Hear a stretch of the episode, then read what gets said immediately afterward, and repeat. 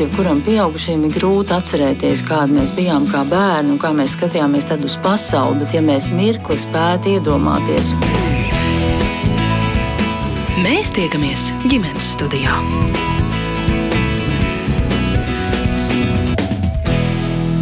Labdien, klausītāji! Sociālajos mēdījos laika pa laikam pavīd informācija, kāds jau pilngadību sasniegušais skatoties uz analogo pulksteni nezina, cik tas īsti rāda. Un it kā ir jau arī attaisnojums dzīvojam laikmetā, kurā dominē digitālais laikrādis. Tāds atrodams katrā tālrunī un arī mājās nereti ir tieši šāds laikrādītājs. Vai bērniem skolā tagad grūtāk iemācīt, cik tad rāda analogais pulkstenis, un vai bērniem laika izjūta ir līdzīga pieaugušo šo laiku uztverēji. Vai laiks skrien arī bērnībā? Jautājums uzdod raidījuma producente Liene Vimba un es Mairits Notiņa atbildes meklēšu kopā ar studijas viesiem Latvijas Universitātes pedagoģijas, psiholoģijas un mākslas fakultātes pirmskolas un sākuma izglītības nodaļas vadītāju asociēto profesoru Inetu Helmani. Labdien, ģimenes studijā! Labdien! Labdien arī Rīgas sestās vidusskolas sākuma skolas skolotājai un klases audzinātājai Kadrijai Beirotei. Labdien! Un man prieks, ka pie mums studijā arī Latvijas Universitātes datorikas fakultātes profesors, uztvers un kognitīvo sistēmu laboratorijas vadītājs Jurģis Šķilters. Sveicināts! Es gribu jums arī jautāt, jūs esat satikuši kādu jaunieti, kurš tā arī īsti nav iemācījies pazīt, ko tad īsti rāda šis analogais pulkstenis? Nē. Mm, droši vien. Mūsu burbulī nav. jā, man arī gribējās teikt, ka vidē, kurā es dzīvoju, strādāju, man nav izdevies sastapt šādu jaunieti. Nu, studentu vidē jau, protams, tā, tā laika izjūta ir lielā mērā saistīta arī ar, ar, ar studiju stresu un, un, un, un, un semestri gājumu, bet kopumā tas analogais laika ritējums un, un digitālais laika ritējums, manuprāt, viņš nav tik ļoti um, nošķīts tajā, um, nu, vismaz jaunatnē, kurā kur man iznāk ikdienā strādāt. Laika ritējums var būt, bet tomēr tā pazīšana, nu, ik pa laikam šāda informācija parādās, bet kāds varētu būt iemesls? Ka skolā nav kārtīgi iemācīts, vai arī vienkārši nelieto jaunie cilvēki, jo ir alternatīva. Man šķiet, ka mēs iemācāmies to, ko mēs lietojam. Un te nav runa par mācību stundu, uh, kurai īsti um, nav pēc tam varbūt pielietojama mēs jau varam ņemt un tur zīmēt darba lapās, nu visur, ko, ko mēs gribam. Bet mums ir jāmāca vairāk, nevis tieši tas pats pulkstenis ir tas būtiskais, ne jau tie ceļieri un cipari, bet izpratne par laika ritējumu. Un tur varbūt, man liekas, ir tā drusciņa starpība, ka nereti cilvēki iedomājās, ka iemācīties pulksteni vienkārši tāpēc, ka, lai tu iemācies pulksteni, tāpēc, ka, lai tu vari uzzīmēt darba lapā pareizi ceļierus, paškam, drīzāk izprast no pašiem maziņiem. Tāpēc jau to pulksteni sāk mācīties, lai tu saproti, vat, ka tur tas sekundžu rādītājs iet un kā tas laiks vispār varbūt iet uz priekšu. Ne jau tāpēc, ka tu vat, nu, tos ciparus un ceļierus. Un tur man liekas mazliet viņa nu, saslīd, varbūt, ka ja viņš to ikdienā nelieto, loģiski, ka viņš viņu neatcerās kā jebkurš, jebkas cits Mēs jau iemācāmies to, ko mēs atkārtojam. Mēs nevaram iemācīties to, ko mēs pēc tam nelietojam ikdienā. Tomēr dzīvojam citā laikmetā, vai ne? Citā laikmetā gan, bet man liekas, te mums ir vēl viens aspekts, kas varbūt te būtu ņemams vērā, kā tur īsti ir ar tiem matemātikas apgūves traucējumiem vai diskalkuliju. Un būtībā mēs jau nenosakam, vai ļoti minimāli mēs pievēršam uzmanību tam, kad vai jaunietim ir šie te mācīšanās, matemātikas konkrēti mācīšanās traucējumi. Un būtībā, ja tādi piemīt, tad diezgan gan likumsakarīgi ir, kad arī būs problēmas vai grūtības noteikt pulksteņa laiku. Tā kā vēl viens izaicinājums mums būtu jāpievērš arī šiem traucējumiem uzmanību vairāk. Varbūt. Jā, man liekas, ka no, no uztveres viedokļa ir divas lietas, kas jānošķir. Viens ir tas, tas chronoloģiskais vai fizikālais laiks, kas tikšķi pulksteņos. Tas, um, protams, atšķirās, vai mēs izmantojam analogus vai digitālus pulksteņus vai ciparnīcas vai nē. Es domāju, ka tas ir viens, viens aspekts. Tas otrs ir tas, kā mēs uztveram ilgstamību. Tā ir, tas, tā ir tā uztveres komponente. Tā, tas ir īstenībā pavisam cits stāsts, jo um, tas uztveres laiks vai uztveres ilgstamība, viņa jau neatbilst fiziskai ilgstamībai. Nu, teiksim, ja ir kāda uh, interesanta nodarbe vai emocionāli piesātināta pozitīva nodarbe, tad mums tas laiks saruks, viņš būs ātrāks. Ja ir kāda garlaicīga nodarbe, tad tas laiks izplatīsies ilgāk. Vienkārši mēs, mēs uztveram laiku atkarībā no tā, vai tas notikums, ko mēs uztveram, ir mums saistošs, interesants, uh, jēgpilns.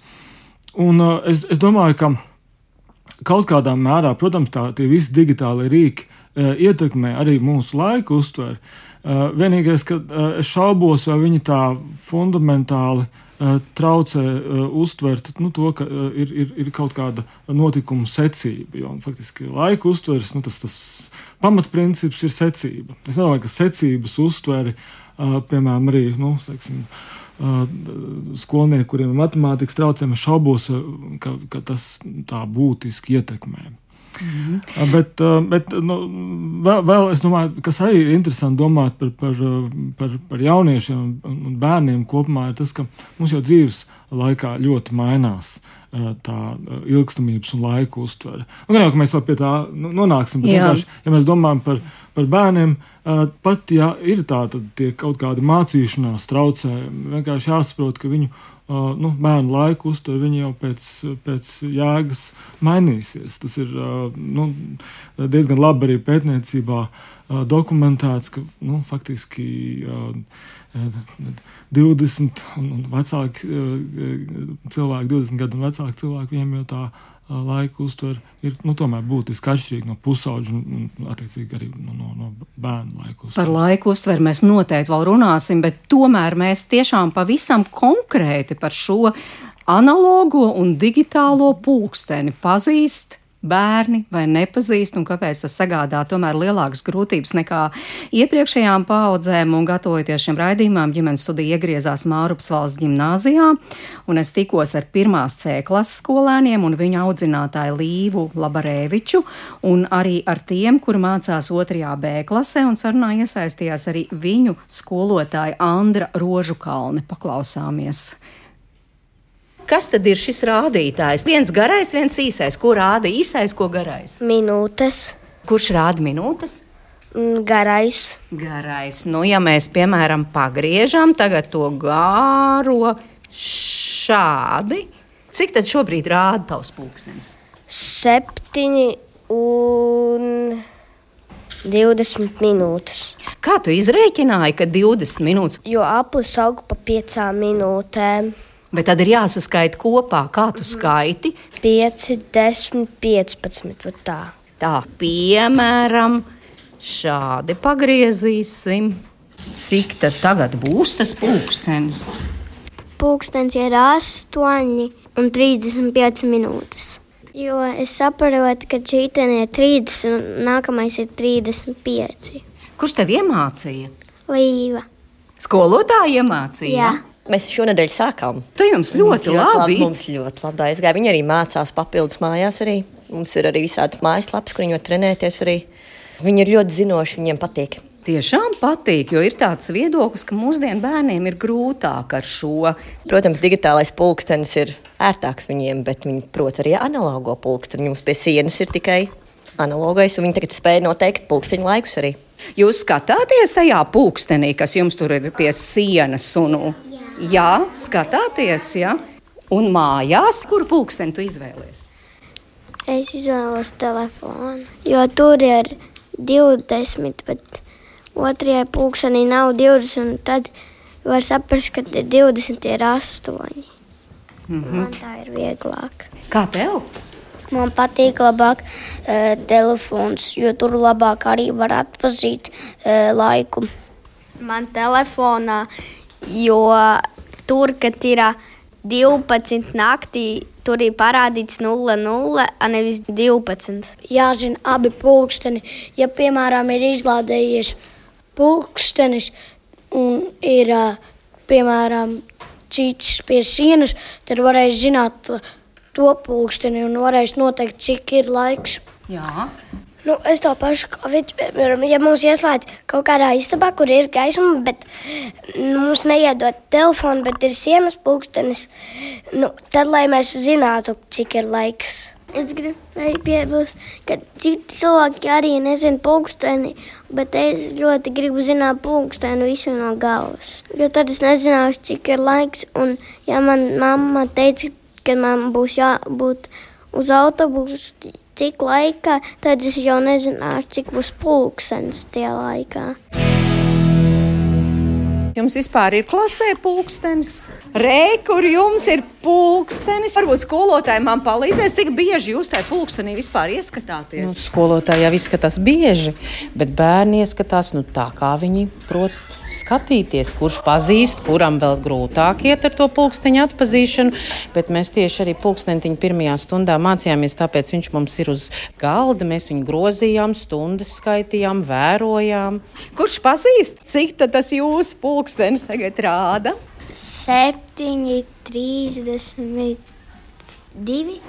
7, 35. Nē, laikam tomēr būs 32. Jā, te ir 30 un vēl divas iedaļiņas. Mums pulkstenim ir gan minūtes pielīmētas klāt arī, lai mums vieglāk būtu mācīties, gan arī stunda, kad uh, stundu rādītājs griežas uz otro aplīti. Bet tas ir vienkārši pazīt šādu pulksteni. Tas ir nedaudz sarežģīti. Man mājās ir vēl sarežģītāks pulkstenis, kur bez ciparnīcas vienkārši rādītāji. Bet to arī tu vari pazīt. Jā, bet var paiet kāds ilgs brīdiņš. Bet, ja tiešām vajag to laiku uzzināt, tad tu tomēr skaties uz šādu pulksteni vai meklē, varbūt telefonā. Mēs dažreiz telefonā meklējam. Jā, jā dažreiz telefonā. Jo tur vieglāk. Vieglāk, jā. jā. Telefonā daudz vieglāk. Es uzskatu, telefonā vieglāk, jo tad tu vari redzēt, piemēram, vai ir naktis vai diena. Jo šie tu tikai vari pateikt, nu, ir piemēram četri. Tā, naktī, bet tu neredzi ārā. Um, tev istabā neviena loga nav. Uh, ja tā, kad tu pasies telefonā, tev parāda tur um, 16. Um, tad tu uzzini, ka tev ir diena jau. Man liekas, ka arī ir bijusi uh, izīgāka tajā pulkstenī, kas ir uh, tas pulkstenis, uh, jo nevis telefonu, jo tad uh, es pati, kad es biju vasaras brīvākā pie Omas, un uh, es iemācījos ar to pulksteni, nevis telefonu pulksteni, un es sapratu uh, labāk nekā telefonu pulksteni. Skolotāji ne pirmo gadu strādājat skolā, kādi ir jūsu vērojumi vispār uh, skolēniem kļūst grūtāk saprast uh, šādu pulksteni? Es neteiktu, ka ir grūtāk, ir bijis grūti pazīt visos laikos jo es jau ilgāk strādāju skolā. Un teikšu tā, pulkstenis ir tiešām sarežģīta lieta, bet tas ir viens brīdis, kad pēkšņi ir tā attausma, kā nolasīt laiku. Jo bērniem tas ir sarežģīti. Un jāpalīdz noteikti ir mājās, mammai, tētim, jāpalīdz arī kā ar to pulksteni tikt galā. Jo ir pat bijusi ideja, nu, ka tas tagad mūsdienu bērniem ir grūti un ka, piemēram, vajadzētu šos pulksteņus, kas ir klasē, nomainīt, lai bērniem būtu vieglāk vispār saprast, cik ir pulkstenis. Es domāju, ka nē, tas ļoti labi palīdz domāt, spriest, secināt un noteikt laiku. Tas attīstīs domāšanu, jo nevajag uz to visu vienkāršāko. Vajag tomēr arī tur, kur ir jāpiepūltās smadzenes un jāpadomā. Pašiem jau ir tā uzvara. Es pazīstu šo pulksteni. Viņi ar tādu prieku to paziņo pēc tam, ka viņi to prot nolasīt.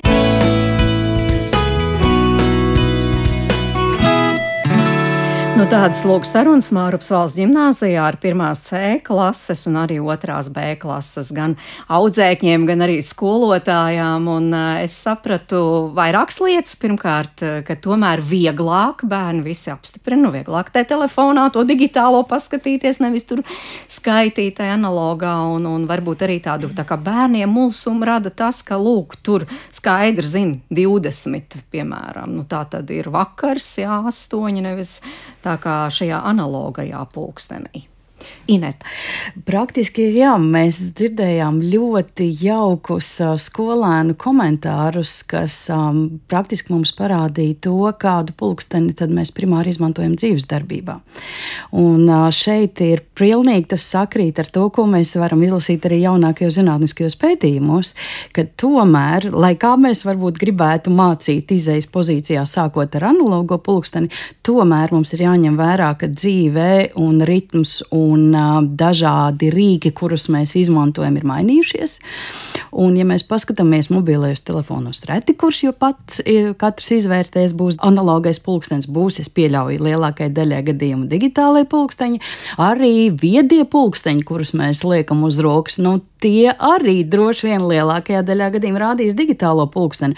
Līdz ar to praktiski jau tas izējas punkts mums ir nevis mēs mācām izējot no analogā uz digitālo, bet sākam ar digitālo un tad vēršamies pie analogā. Un te ir tas, kas noticis, paradigmas maiņa mūsu pieredzē, protams, tā tas nebija.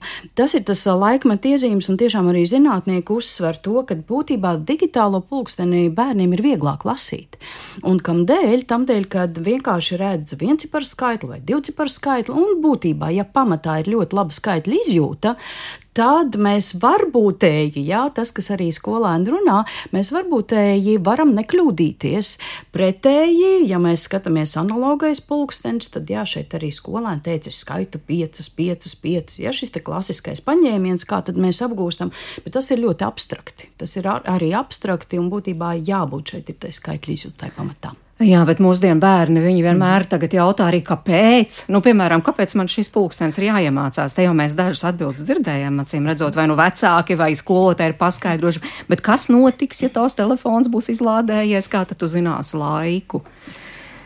Nu, es domāju, tā lielā pievienotā vērtība, tā analogā pulksteņa lasīšana ir tā, ka tā ir uh, telpiskota, abstrakta informācija. Nu, tā, iedomāsimies, tas pulksteņa laiks analogijā pulkstenī viņš ir nu, salīdzinoši abstrakt uzlikts uz tās ciparnītes. Ja mēs skatāmies uh, skaidriskā izteiksmē, nu, tas ir kā, nu, tāds tiešāks saistījums. Kā, Uh, nu, kopumā ir tā, ka te, telpiskas zināšanas un telpisks formāts kopumā atbalsta abstraktu zināšanu apgūvi. Kā, teiksim, domājot par to, kāda jēga ir no tādām lietām kā analogi, pulksteņi un, un, un līdzīgi, nu, tā, ka, ka nu, bērniem attīstās tā spēja abstrakt domāt labāk, un, un ātrāk un veiksmīgāk. Mm -hmm. tas, tas, ka ir, uh, ir saistības ar vizuāli telpiskiem procesiem un abstraktu zināšanu apgūšanu, tas ir diezgan skaidrs. Mēs teiksim, tādā, tādā griezumā es redzu to jēgu uh, analogā, analogā pulksteņa lietojumu. Mēs varbūt mazāk uh, varētu piekrist, ka pa, pats, pati laika uztvere mainījusies. Man liekas, ka to būtu grūtāk pateikt. Bet tas, ka analogiem pulksteņiem ir ļoti liela jēga vizuālo telpisko prasmju uzlabošanā. Tas gan skaidrs. Bet tā tad māca tieši šis analogais pulkstenis, māca abstraktāk domāt. Jā, jā? Protams, jā. Varbūt varat vēl paraksturot, ko tieši Ineta? Varbūt par to abstrakto domāšanu, man liekas, redz, kur ir atkal, ja mēs paskatāmies zinātniskos pētījumus, ko tad mums tīra matemātikas izglītība un pirmskolas sākuma izglītības jomas perioda saka, tad praktiski jau jūs arī ļoti jauki teicāt, laiks ir abstrakta informācija. Tas ir arī, mēs varam teikt, nu, bez seguma, ja kas skolēnam praktiski nebūtu viegli tverams un jāņem vērā, kā tad domāšana dominē. Nu, nebūtu abstraktā domāšana, nebūs tas dominējošais domāšanas veids pirmsskolā un sākuma izglītībā. Un, ja vēl mēs paskatāmies tādu ļoti pakāpeniski, mēs varbūt reizēm kaut kur ierasti mums gribētu pasteigt, ja pasteidzināt, bet nevienmēr skolēni būs atvērti un gatavi tam mūsu plānam, un nevienmēr viņu varēšana, gribēšana sakritīs. Un, ja mēs paskatāmies to zinātniskajos pētījumos, kā reizi precīzi nodalīts pilnās stundas pirmā klase O, otrajā klasē mēs varam ņemt pusstundas un skatīties otrās klases beigās ceturdaļu. Jo jūs redzat, pastieties, šeit nāk ne tikai šis abstraktais fenomens, bet arī jāsaprot daļskaitļi. Man ir jāspēj skaitīt, man ir jāspēj saskaitīt, atņemt ļoti daudz prasmes, arī specifiskās no matemātikas ir pamatā. Tā izskaitā, kā profesors teica, arī ja, šie kognitīvie procesi nosaka. Jo reizēm arī vecāki steidzina. Nu, tā kā, piemēram, grib iemācīt šo šo analogo pulksteni pazīt bērnam jau 3, 4, 5 gadu vecumā. Faktiski tas nemaz nav iespējams. Lai gan mums, pieaugušiem, šķiet, nu, kas tur tik vienkārši. Būtībā iemācīs, bet vecuma posmam ir raksturīgi ļoti viegli atdarināt darbības un mehāniski iegaumēt informāciju. Bet lūk, šī mehāniskā informācijas iegaumēšana, nu, mēs varam teikt, varbūt jā, turpmākajā izglītības posmā varbūt parādās iekalšana. Tas ilglaicībā, dzīves ilglaicības līnijās, tas nekādi sev neattaisno. Kādreiz jums, kā skolotājai, ar šo jātiek galā? Jums ir jāiemācās pulkstenis. Tātad sākat pirmajā klasē? Mēs sākam pirmajā klasē. Es paņēmu līdzi, lai jums, jums arī ir uh, priekšstatam, jo, piemēram, tas, ko teica, uh, teica kungs arī par to vizuālo. Jā, desmit minūtes, un kas tas tās desmit minūtes? Kas tas tāds ir? Tas ir tukši vārdi, kas bērnam vispār nozīmē absolūti nulli.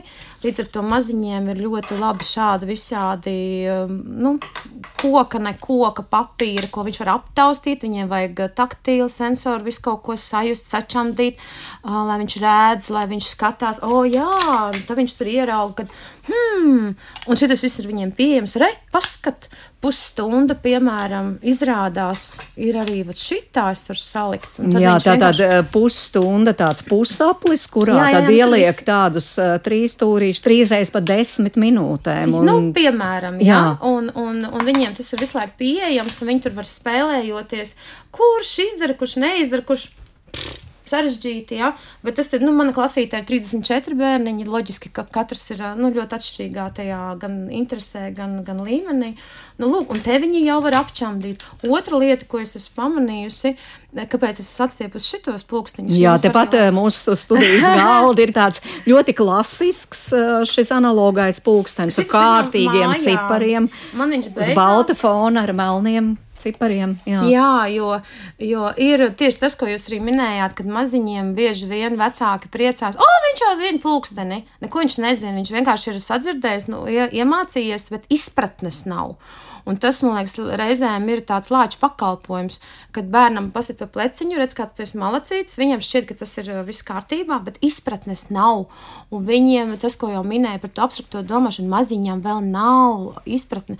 Un šeit, kāpēc es gribēju šo parādīt, tad kas notiek? Ja es paņemu koku modelīti, es tur griezu to garo, un redzat, ar to īso vispār nekas nenotiek. Tāpēc eh, šie modelīši arī, nu, viņi jau ir labi, viņi kaut kādā veidā ir palīdzoši, bet ja mazais bērniņš, kā viņš tieši var saprast, kad stunda iet uz priekšu, ja es, es ar pirkstu nepagriežu. Šie, kas ir īstie, bet vairs nestrādā. Es varu griezt ierīti, Uz priekšu tā tāda minūšu rādītāja, jā. un arī stundas rādītājs kustas uz priekšu. Un viņš kustās un, un palēnām soli pa solītim, tad saprot, ka, nu jā, tad, kad ir pusdesmit, tad ir pusdesmit. Nevis īsais paliek turpat un nekustās. Tas ir viens no, ko es iesaku tiešām skolotājiem pievērst uzmanību ar visiem tiem modelīšiem, vai kustās tas īsais arī. Vai sekundžu rādītājiem arī ir nozīme? Nu, es teiktu, ka mazajiem vispār viņu labāk, nu, lai pavisam maziņiem īsti nevajag. Bet vispār ir nozīme, tāpēc, ka tas atkal tur redzi, ka viņš nestāv uz vietas. Ka viņš visu laiku, tas laiks, nevis tā nomirkšķina acis un tev desmit minūtes ir pagājušas, bet ka vispār tas laik, laiks visu laiku virzās uz priekšu. Tāpēc smilšu plūkstenīts.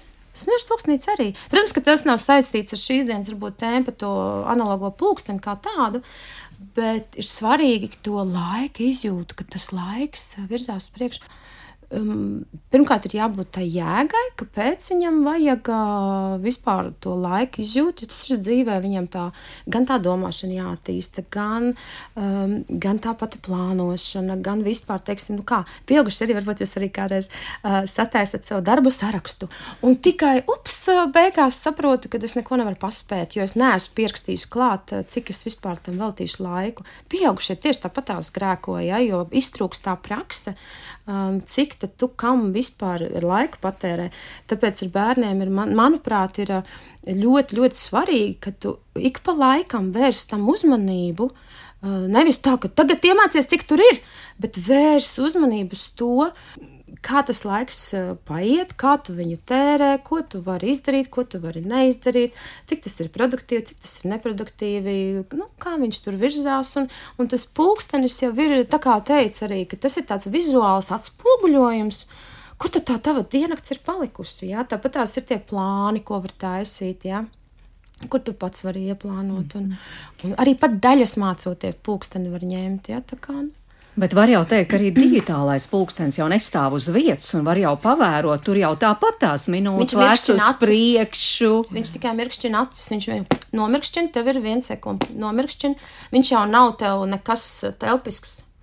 Viņš tev vienkārši, nu, tev ir čiks, viena sekunde vai tur divas. Viņš jau tev, nu tā, tīri tai tādam, nu, sevišķi maziņām, jā, tādam tak, nu, lai tu varētu viņu aptaustīt un izprast, piemēram, tās pusstundas apjomu uz stundas fona vai pat uz diennakts, nu, kaut kādu tādu to tīri to apjomu, tu jau nevari tā vienkārši izprast, skaitot 1, 2, 3, 4, 5, 6 līdz 30. Jā, tur mm -hmm. tā izpratne drusciņi savā. Inete, jūs tā kā piekrītat, tā kā nepiekrītat, tā apmēram izskatās. Nu, jā, mums vispār ir jāsaprot, protams, tas ir izcili, izcili un, un šis te paņēmiens, kā mēs strādājam pirmskolā un sākumskolā, ja pirmsskolā bērni var, bet pamatā tā ir sākuma skola, kad mēs apgūstam pulksteni ar analogo, bīdot, virzot rādītājus un skaitot šīs te 5 5 plus 5 plus 5, ja šīs 5 minūtes. Tas ir, protams, pamatā un kopš pirmās brīvvalsts laikiem Latvijas, ja 20, 30 gadi nekas jau jauns nav izgudrots, bet kur ir tā atšķirība? Nu, nebija tajā laikā tie digitālie pulksteņi. Ja tur ir tas stāsts par ko, ka mums ir jāsaprot, kā tad salikt kopā un kā tad atrast to zelta vidusceļu, jo praktiski arī tiešām gatavojoties šim te arī raidījumam, es īpaši vērsu uzmanības jaunākajiem pētījumiem, lasīju, nu, un tad tas, ko mēs redzam, jā, mums šķiet, šķiet, ka grozot šos rādītājus, ka mēs nodrošinām nu, skolēnam šo priekšniecisko darbību. Jo jebko jaunu pirmsskolā un sākuma skolā skolēni apgūst savu priekšniecisko darbību, kas varbūt negluži veikli ir tulkot latviešu, ja, bet tā nav vienkārši praktiski, bet priekšmetiski. Nu, lūk, un ja mēs paskatāmies, tad pulkstenis tas ir radīts modelis, kuru mēs grozam, un mums rodas ilūzija, ka mēs izmantojam šo priekšmetisko darbību. Jo priekšmetiskai darbībai pamatā ir, ja es gribu sasniegt saskaitīt, pie divi pieskaitīt divi, tad mācoties šo prasmu, ņemšu, ņemsim Ziemassvētku kontekstā, vai ne? Divi mandarīni, divi mandarīni, un ir ja, paveikts darbs. Lūk, tas būtu tas, ka mēs izliekam šos te nu, uzskatus veidus, resursus. Mm, pats modelis pulksteņa, tas jau ir uzskats veids, un praktiski mēs izmantojot šo modeli grozot, tas, kā literatūrā bija rakstīts, tas mēs mēram laika ritējumu netieši. Un tas ir atkal tas mazliet, vai ne, kas mums, protams, ir jāskatās, kā šo vēsturisko pieredzi nepazaudēt. Arī es tā savulaik strādāju, arī manās grāmatās jūs atradīsiet šādus uzdevumus, bet tas stāsts ir, kad liekam klātā attīstību, ja man liekas. Mm.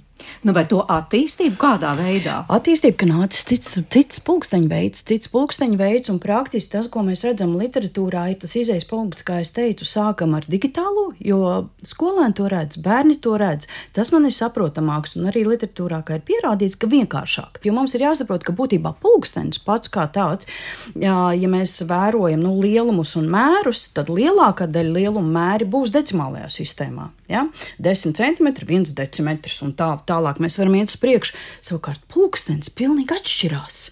60 minūtes, 1 stunda. Kas tas, tas ir? Jā, mm -hmm. Kur tad tas simts palika? Un redzat, praktiski, lai mēs to sāktu apgūt ar jēgu, tas, ko arī kolēģi teica, uh, mums ir jāapgūst skaitļi būtībā līdz 60. Bet skaitļi līdz 60 kolēģi, tā ir pirmā klase, jā, pirmās klases būtībā otrais semestris. Mēs varam cerēt jau nu, būvēt ilūzijas mājas, kad uh, tas būs uzreiz uh, pirmajā klasē septembrī, nu nē. Nu, nebūs, vai ne? Daļai, arī daļai lūk, ir un daļai, daļai jā. Jā, bet, Jurģi, klausoties, kā jums šķiet, tomēr tas digitālais pulkstenis, kā tā izskanēja, it kā tomēr mazāk rosina domāt vai izjust to laiku, ka laiks vai nu iet, vai nu skrien, vai nu velkas. Es, es domāju, ka nē. Es domāju, ka ir divas lietas. Viens ir tas, ka mums ir tā iekšējā laika izjūta, un tas ir process, kas faktiski ir kaut kādā mērā neatkarīgs no tā, vai mēs lietojam digitālus vai analogus pulksteņus. Un tad ir tas, tas pulksteņu laiks un, un arī ciparnītes. Un es domāju, ka nu, runāt par to ciparnīcu uztveri. Tas ir tas, ko, es, ko arī kolēģis minēja, un var pilnīgi, pievienoties. Man liekas, tā lielā un labā lieta analogai uh, ciparnīcā ir tā, ka bērni iemācās proporciju, īpatsvaru uztveri. Un, Un tas ir ļoti kritiski svarīgi tai, tai uh, vizuāli telpiskā domāšanai, kas ir, nu, kā jau teicu, nosacījums abstraktā domāšanai. Kas ir arī interesanti, ka uh, bērni jau ļoti atšķirās šajā. Te. Mm. Ir tādi, kas ļoti ātri tos, to, tās proporcijas saprot, kas ir uh, 20 minūtes no. Un, un pusstunda. Jo nu, patiešām tās ir 60 minūtes, no 60. Ne? Tas nav no 100. Un, un ir tādi, kur lēnāk apgūst. Līdz ar to uh, ir tieši tas arī, kas arī pētniecībā, vizuāli telpisko procesu pētniecībā parādās, ka ir tā sasaiste. Uh, tie bērni, kuriem ir labāka vizuāla telpiskā domāšana, viņiem vienkārši arī tālāk iet uh, labāk veicās tajos abstraktajos priekšmetos. Nu, piemēram, ir, ir pētījumi, ka tiem, kuriem agrāk un labāk attīstās vizuāla telpiskā domāšana, tad arī es domāju par analogās cipanītes nolasīšanu un, un spēju apiekt, viņiem tie, tie abstraktie priekšmeti, fizika, matemātika, ķīmija, viņiem attīstās tālāk, labāk. Un, turklāt, es saku tālāk, tas at, attiecas tālāk arī uz augstskolu un arī dzīves laikā. Un tas, tā kā teiksim, tā, tā jēga un tā pievienotā vērtība analogijām, ciparnīcām ir ļoti liela. Un, un, un tas, nav, tas nav tāds margināls, tagad mēs izmantojam digitālu vai analogu ciparnīcu. Nē, nē, tas ir mazliet lielāka pievienotā vērtība. Es atgādinu mūsu klausītājiem, pie mums šodien studijā Ineta Helmana, Latvijas Universitātes pedagoģijas, psiholoģijas un mākslas fakultātes pirmskolas un sākumskolas izglītības nodaļas vadītāja, arī asociētā profesora. Pie mums arī Rīgas 6. vidusskolas sākumskolas skolotāja un klases audzinātāja Kadrija Beirote un Latvijas Universitātes datorikas fakultātes profesors, uztvers un kognitīvo sistēmu laboratorijas vadītājs Jurdis Čilters. Un no Jurģa puses jau izskanēja pirms kāda brīža, tātad jāpētījumi pierāda mūsdienu bērniem grūtāk uztvert analogo pulksteni nekā digitālo, bet jūs teicāt tādu pētījumu par to, ka laika uztver būtu mainījusies. Tādu gan nav. Un, starp citu, vēlreiz īsts fragments no manas sarunas ar Mārupas valsts ģimnāzijas skolēniem, šoreiz otrklasniekiem. Es jautāju, kā viņiem ir laiks velkas vai skrien vai, vai iet, vai kā viņi to raksturot un kādas ir tās situācijas, kad tā notiek un ko ar to darīt. Klausāmies, ko viņi mums atbild. Vēl kāds ļoti lēni. Nu, e, piemēram, tā, kas mums bija matemātika, viņa nu, priekš maniem vēl kās tā ilgi, ilgi. Bet e, kādreiz stunda, kura man patīk, viņa ļoti ātri. Un kuras ir tās stundas, kuras tev patīk? E, tas ir latviešu valoda un mūzika. Kā tev ar to? Um, kā katram, ja tu dari kaut kādas lietas, nu, kādas, kas tev interesē, tad tev noteikti laiksies ātrāk. Bet, ja tu, piemēram, dari kaut kādus ilgus darbus, tad tev ies lēnām. Es teikšu, ka laiks skrien, tāpēc, ka, kad es pie kāda ciemos, tad vienmēr šķiet, ka laiks ātri jūt paiet. Man liekas, ka būtu ātri, jo, kad es vienmēr eju uz treniņu, man kaut kādas eh, divas stundas ir, bet man liekas, ka tas ir 40 minūtes. Nu, man liekas, ka laiks, eh, nu, kā kuru reizi, piemēram, eh, nu, tev ir ballīte desmitos no rīta, tu piecelies kaut kur septiņos, un tad tev ilgi būs jāgaida, tad tu nevari sagaidīt. Kā tad labāk sagaidīt? Nu, tu vari, piemēram, kaut ko padarīt, vai pazīmēt, vai kaut ko tam līdzīgu. Tā vajag piesaistīties vairāk, un futbolā vajag sist vārtos, un tā tad tev paies ātrāk. Mācībās tev vajag piesaistīties tam, ko tu mācies. Jā? Man liekas, ka uh, laiks iet ātri, jo, kad skatās telefonu, tad paiet ātri laiks. Nu, kā ar to tikt galā, ka tai telefonā un ka tad vispār laiks pazūd? Kā to nokontrolēt? Ja skaties telefonā, tev varbūt var 30 minūtes paskaties telefonā un pasties, cik ir laiks. Varbūt tev nav kaut kas cits jāizdara vai kaut kas tāds. Telefonu var nu, tā izdarīt tā, lai, piemēram, vecāki tev liek limitu, un tur ir laiks, cik tu vari pasēdēt telefonā. Un tā tu tā kā vari to nu, darīt. Tu skaties un nepamani laiku, jo tie video varbūt ir trīs minūtes vai sešas. Nu jā, bet kā tad nokontrolēt? to laiku. E, vienkārši kaut kad apstājies un paskaties pulkstenī un vienkārši kaut ko padara. Nu, lūk, pārliecinājāmies, ka tiešām otrklasniekiem tāpat, gluži tāpat kā mums pieaugušajiem, laiks vai nu skrien, vai nu velkas atkarībā no situācijas. Bet jautājums, ko ar to darīt, un man starp citu pārsteidz, ka tāds otrklasnieks saka, nu tad vai kā viņš teica, iesaistīties futbolā, domāt par to, kā iesist vārds vai mācības stundā būt klātesošam. Kas man liekas ir ārprātīgi svarīgi. Ir šī apziņotības vispār prakse skolās jau no maziņajiem, arī pat bērngārzos, jo tā trauksme no ārpasaules mazāk nepaliks. Tas informācijas čupa un tas temps, viņš nepaliks mazāks. Tas ir viennozīmīgi skaidrs. Jautājums būs, ko bērns ar to prot vai neprot darīt. Vai viņš tur saļims zem tā visa un pasaka, ka laiks skrien, es neko nevaru paspēt, skolā ar visu laiku zvans, bums, pēc tam izdarīsi. Un visu laiku mēs iemācām to, ka neko nevar paspēt, un dzīve skrien, mājās vecāki tagad ar tur, un tev visu laiku rada tādu steigas efektu, ka tas viss ir traki, traki, traki. traki. Visi dzīvo traki, traki vienā skrējienā. Nu, ne, nevar satikties draugiem, nav laika, lasīt nav laika, eh, pildīt neko nav laika. Eh, tas, ko es redzu, ka faktiski šobrīd eh, kā vienīgo fantastisko un vērtīgo izēju ir apzinātības praktizēšana jau nu, skolu vidē, nu, mājas mēs nevaram visus ietekmēt. Es ieteiktu visiem ģimenēs arī kaut kādus mazus rituāliņus, kad ir šī klātesamība. Uh, kas ar tevi notiek? Kur tu šobrīd esi? Kad tu pamani, beigu beigās tu pamani, ka tev vispār piparkūks cepās, varbūt, ja nevis tu dari piecas darbus reizē. Uh, tas, protams, atkal nav par cipernīcu, bet tas ir par to steigu, kurā mēs, pieaugušie, apzināti vai neapzināti, iebāžam savus bērnus un pēc tam pieprasīt no viņiem akurātu darbu, uzmanību, pieklājību. Un visu pārējo emocijas vadīt viņi neprot, jo tas viņiem ir vēl mazs vecums, lai viņi to prastu. Lai to darītu, tur ir atkal jābūt nu, mieriņā. Jā. Līdz ar to tas ir vesels, vesels komplekss, kas būtu jāveic, lai, nu, lai varētu to visu. Un tas, ko es ikdienā redzu, ka ļoti, ļoti daudzi cilvēki uh, Arī tā skaitā par pulksteņiem, jā, bet uh, noklausīsieties uh, visu raidījumu, arī jūs dzirdēsiet, ko, ko kungs saka arī par tiem pētījumiem, par visu, kā tas ietekmē ilgtermiņā. Un tas, ko es redzu ikdienā, ka ļoti daudz cilvēku iesprūst uh, īstermiņā, ka tagad ir vieglāk.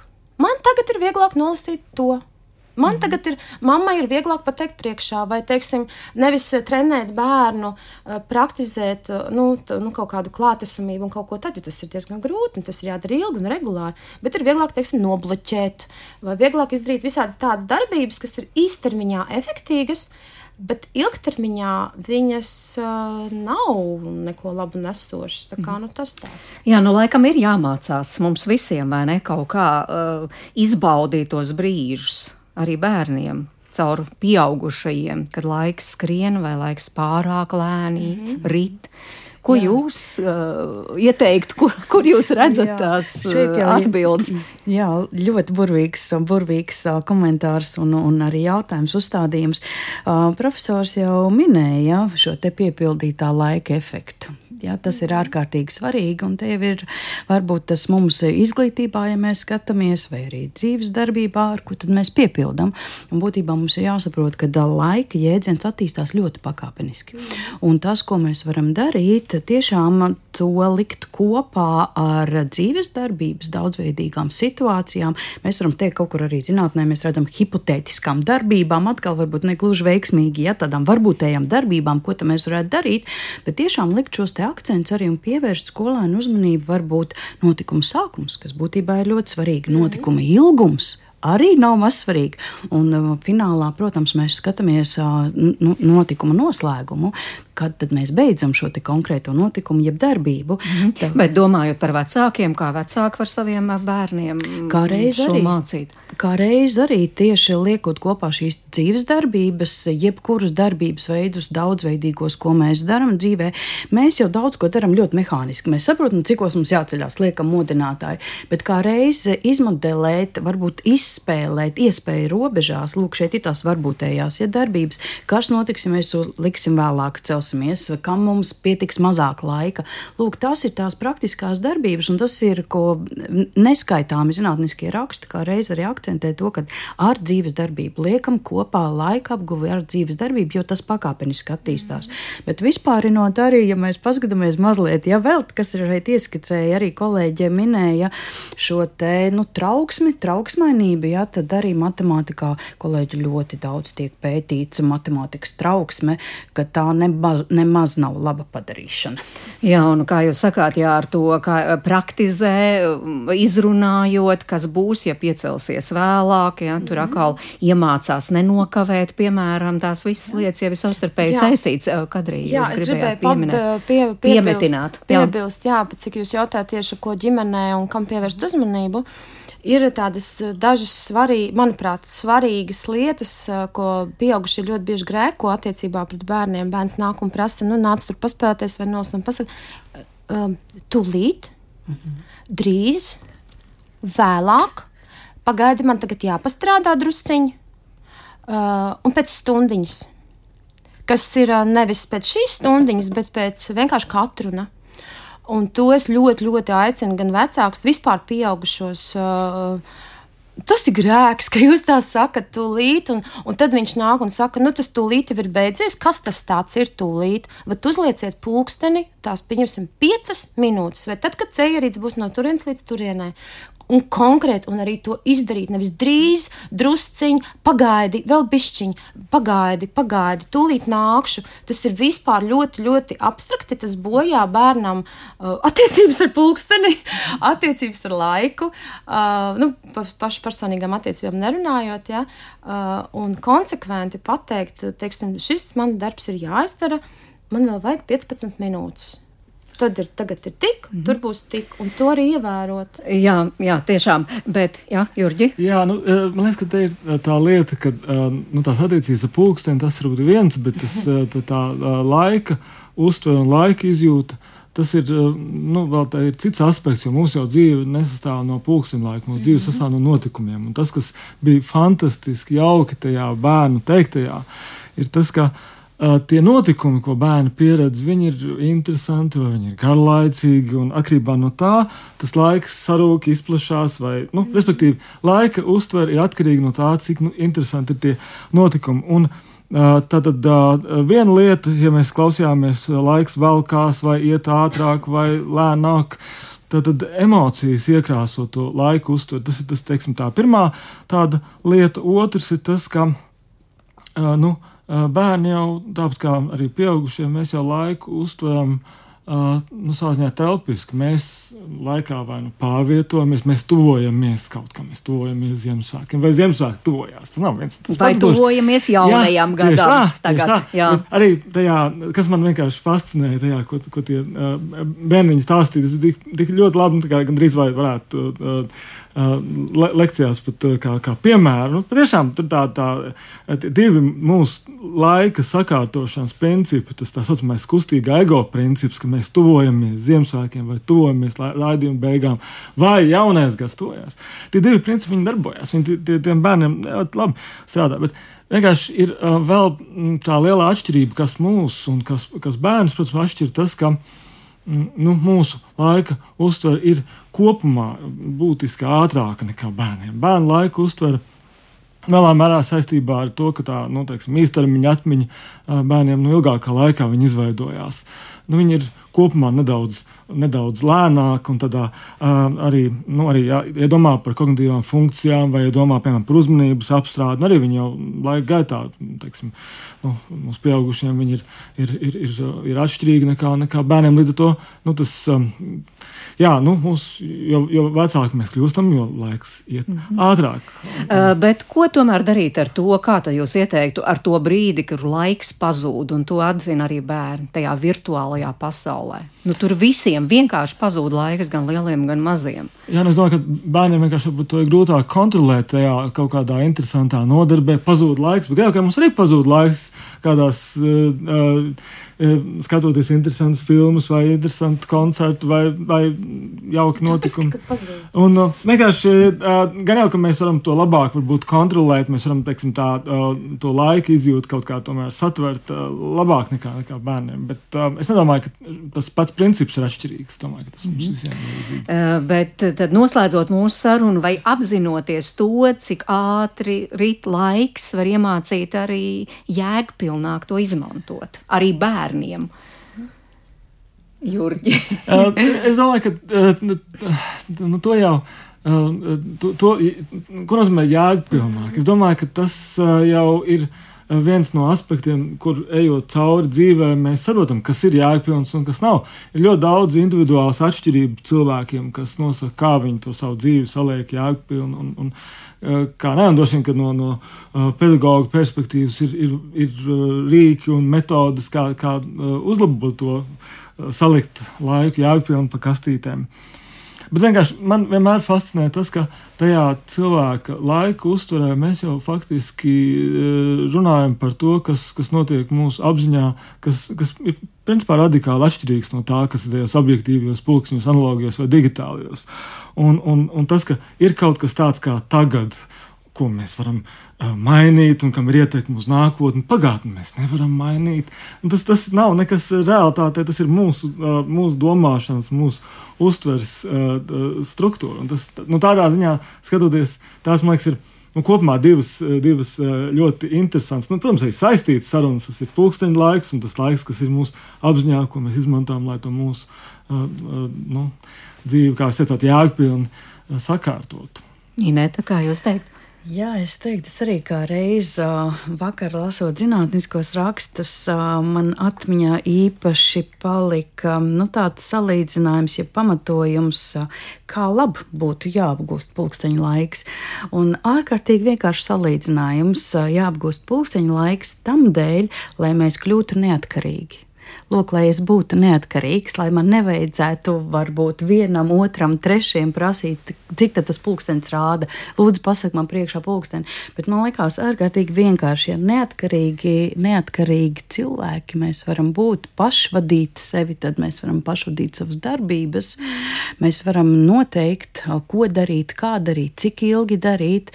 Tas tāds ārkārtīgi vienkāršs un burvīgs salīdzinājums. Tas nozīmē, ka izjūtot to jā, laiku, jā, jā, apzinoties klausies. Kadrija?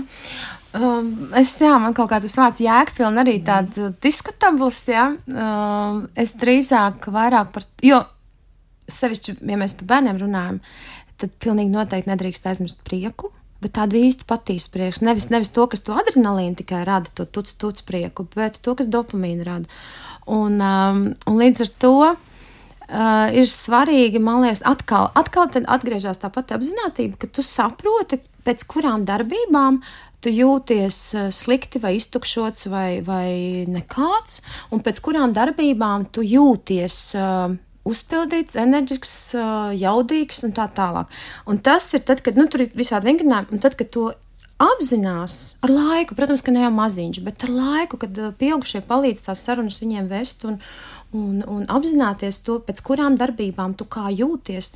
Vai, piemēram, nu, tu paspēlē futbolu trīs stundas, laiks paskrēja nemanot, bet tu toties zini, ka pēc tam būs viss slikti ka tev tur vajadzēja to, to un šito.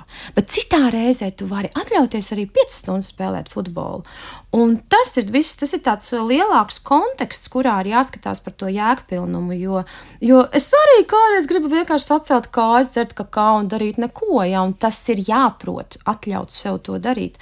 Līdz ar to ar to jēgpilni jā, bet, bet ir jānonāk līdz tam, kad katrs sajūt sevi, kas ir tas jēgpilni, jo vienmēr tikai vat, mauc un daru, dum, bum, bum, bum, tas galīgi nebūs par to, ka jēgpilns tas laiks.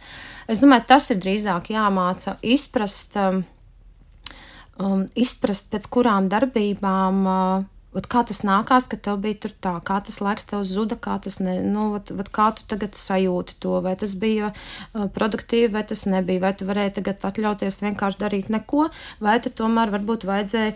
Un, protams, ka ideālajā gadījumā, ja ģimene veic šīs pārunas, jo tas prasa laiku, ja, ja ir viens pret viens, tas paņem citu laiku, viens pret 34, tur tā, ja. Bet, bet to var izdarīt, un kad vērš tam uzmanību, uh, tad ar to laiku var sadraudzēties. Ja? Un, un viņš var būt pietiekami visam, lai baudītu dzīvi, lai darītu darbus un nedarbus, un, un, un vienkārši priecātos par būšanu šeit. Ja? Paldies par šo sarunu. Es saku Inetai Helmanai, Latvijas Universitātes asociētai profesorei, arī Kadrijai Bērotei, sākuma skolas skolotājām un Jurģim Šķilteram, arī Latvijas universitātes profesoram. Tiešām liels, liela pateicība un liels prieks, ka atradāt laiku un atradāt laiku un atnācāt uz ģimenes studiju, jo kādam, kādam varbūt šī šķita tiešām ļoti interesanta saruna. Radījuma producenta Liena Vimba, Kristīna Dēla pie skaņpūces mairas notiņa pie mikrofona. Un mēs tiekamies atkal rīt, 5 minūtes pār diviem, nekas nav mainījies. Tā kā ir šāds starpsvētku laiks, mēs runāsim par radu sanākšanām un tiešām tādām lielākām ģimenes kopā būšanām vai šādi svētki vienmēr visiem ir priecīgas satikšanās un kā to padarīt par gaidpilnu notikumu. Par to rīt un paldies, ka klausījāties šodien. Tiekamies atkal. Visu labu! Visu labu! Visu labu.